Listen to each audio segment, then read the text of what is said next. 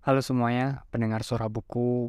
Hmm, sekarang saya akan membacakan sebuah zin dan tidak ada stok buku. Biasanya aku memiliki stok uh, recording. Ada sih beberapa buku sebenarnya yang udah uh, setengah dibaca kayak gitu.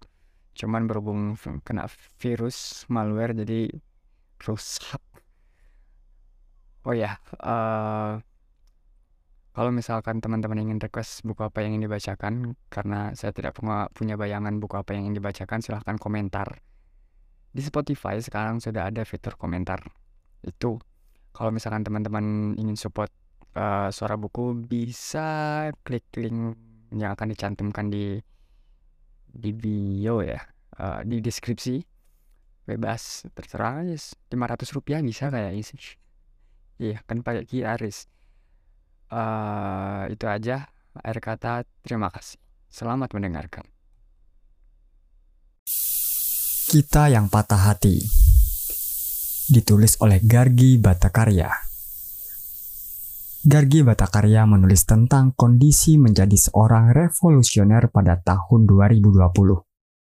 Terinspirasi dari seorang kawan yang lebih muda yang mengaku patah hati akibat mencoba untuk membuat sesuatu yang lebih baik di dunia dan pembahasan sekelompok kawan tentang masalah keyakinan yang berlebihan, dogmatisme, seluruh lanskap jelek seleb kiri, dan penghakiman daring. Melalui lanskap ini, ia sedang menunjukkan apa yang perlu didengar oleh kawan-kawan muda. Kita yang patah hati. Patah hati adalah inti dari semua kesadaran revolusioner. Bagaimana tidak? Siapa yang bisa membayangkan dunia yang berbeda? Kecuali mereka yang telah dihancurkan oleh dunia ini. Patah hati terjadi di bawah dan di samping urusan kehidupan politik yang kurang mengesankan. Pertemuan di sini, tugas di sana. Sesuatu dirancang, sesuatu untuk dikumpulkan, sesuatu untuk disampaikan. Pertanyaan untuk ditandatangani, tanda tangan untuk dipegang, pidato, dan lebih banyak pidato dan masih banyak lagi pidato. Kejatuhan, pemilihan, sebuah perpecahan atau dua atau tiga beserta rasa sedih akibat celaan pada mantan kawan. Dan tentu saja beberapa pidato lagi. Namun di tengah kesibukan tanpa henti, selalu ada yang patah hati. Mungkin kita semua tahu bahwa ini adalah hal yang kita hindari, hal yang tidak boleh dikatakan.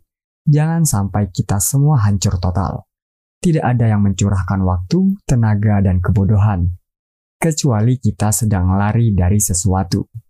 Aku menyebut ini sebagai patah hati karena aku merasakan sakit di dadaku. Seperti berdiri di tepi jurang, aku merasa berduka karena kehilangan orang yang benar-benar patah hati. Dan ketika aku merasakan kesedihan dalam hidupku sendiri, kerugian kecil namun menghancurkan kehidupan apa pun, ongkos yang mengerikan dari kemanusiaan kita, semua itu muncul lalu bercampur dengan lautan kesedihan orang lain. Beberapa orang mungkin menganggap ini sebagai bentuk yang lebih luas dari kesadaran kelas. Izinkan aku menyarankan, mungkin untuk mengganggu, bahwa menjadi patah hati adalah kesadaran kelas yang sebenarnya dari kapitalisme rasial. Patah hati adalah saat kita melihat rasa sakit kita sebagai waktu dalam pertempuran antara keinginan untuk hidup, keinginan untuk mencintai, dan keinginan untuk menghancurkan.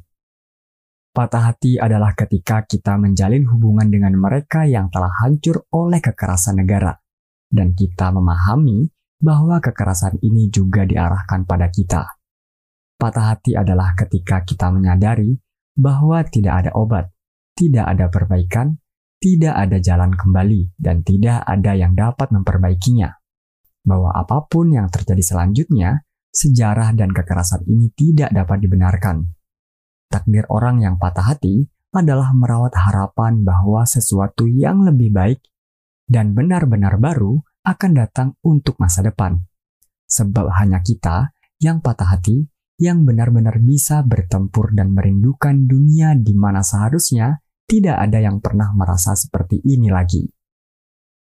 Kebersamaan dalam solidaritas. Patah hati sebagai kesadaran revolusioner membutuhkan pengalihan ke arah kolektif.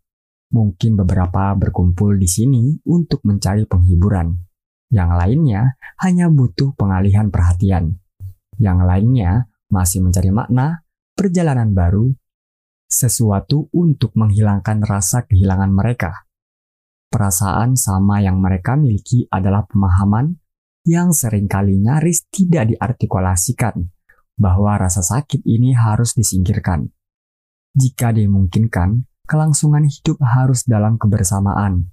Tentu saja, tiap orang juga perlu menjaga diri mereka sendiri semampu mereka. Kami juga keluar masuk dari ruang pengobatan diri, kemarahan, dan keputusasaan. Jatuh cinta dan berada dengan orang yang salah. Singkirkan mereka yang merawat, dekati mereka yang merugikan mengacaukan segalanya lagi dan lagi, tetapi entah bagaimana tetap bangkit untuk mencoba sekali lagi. Namun, pada saat yang sama, patah hati menipiskan kulit kita, sehingga kita menjadi terbuka terhadap orang lain. Batasan di antara kita sepertinya larut, hanya untuk sementara.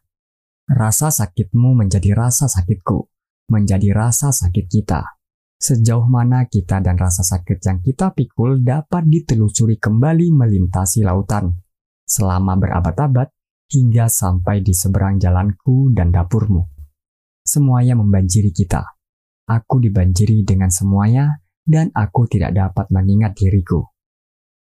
Terlambat untuk menemukan diriku sendiri karena aku telah bergabung dengan kalian semua. Dan dalam versi cerita paling kuno, peleburan diri mengarah pada sebuah bentuk ekstasi.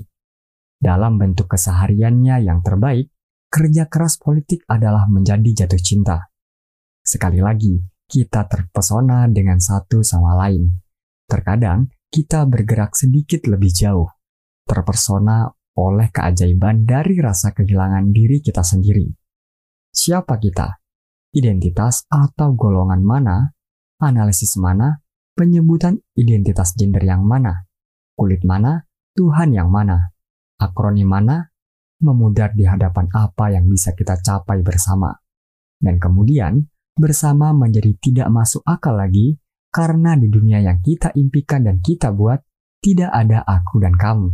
Hanya ada kita, hanya kita selamanya. Dan rasanya seperti tidak ada apa-apa di bumi. Belum ada apa-apa di bumi. Gargi Batakarya adalah profesor sosiologi di University of East London. Terima kasih telah mendengarkan audiobook dari Suara Buku. Akhir kata, terima kasih.